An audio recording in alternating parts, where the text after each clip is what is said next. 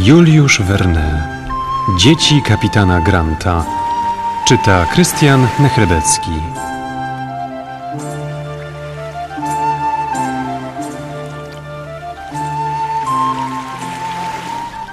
Czego tu chcecie? spytał Will Halley nieznajomych, którzy wchodzili na pokład jego statku. Gdzie kapitan? odpowiedział pytaniem John Mangles. Ja jestem kapitanem, rzekł Halley. I cóż z tego?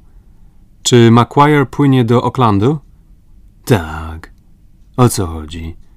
Co wiezie? Wszystko, co można kupić i sprzedać. Co jeszcze?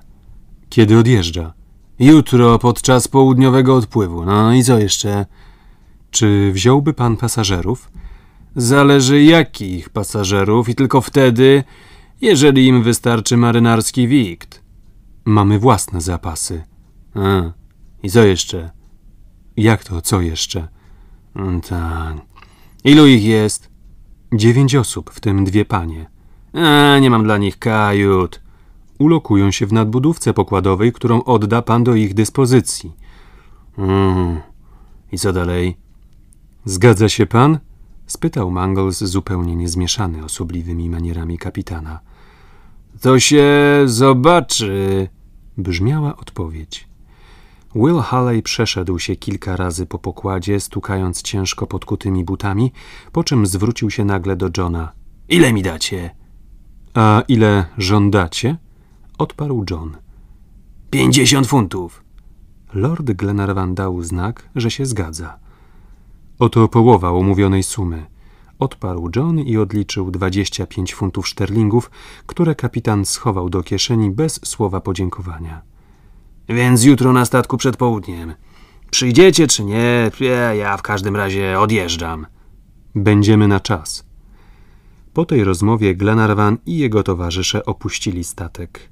Haley nie raczył nawet podnieść ręki do ceratowego kapelusza wciśniętego na rozczochrane rude włosy. Cóż to za gbur, powiedział John. A mnie się on podoba, odparł Paganel. To prawdziwy wilk morski. Raczej niedźwiedź. Mnie się zdaje, rzekł John Mangles, że ten niedźwiedź musiał handlować niewolnikami. Mniejsza o to, rzekł Glenarvan. Grunt, że dowodzi Macquarie i że ten statek płynie do Nowej Zelandii. Od zatoki Twofold do Oaklandu niewiele go będziemy widywali. Po przyjeździe do Oaklandu nie zobaczymy go już więcej.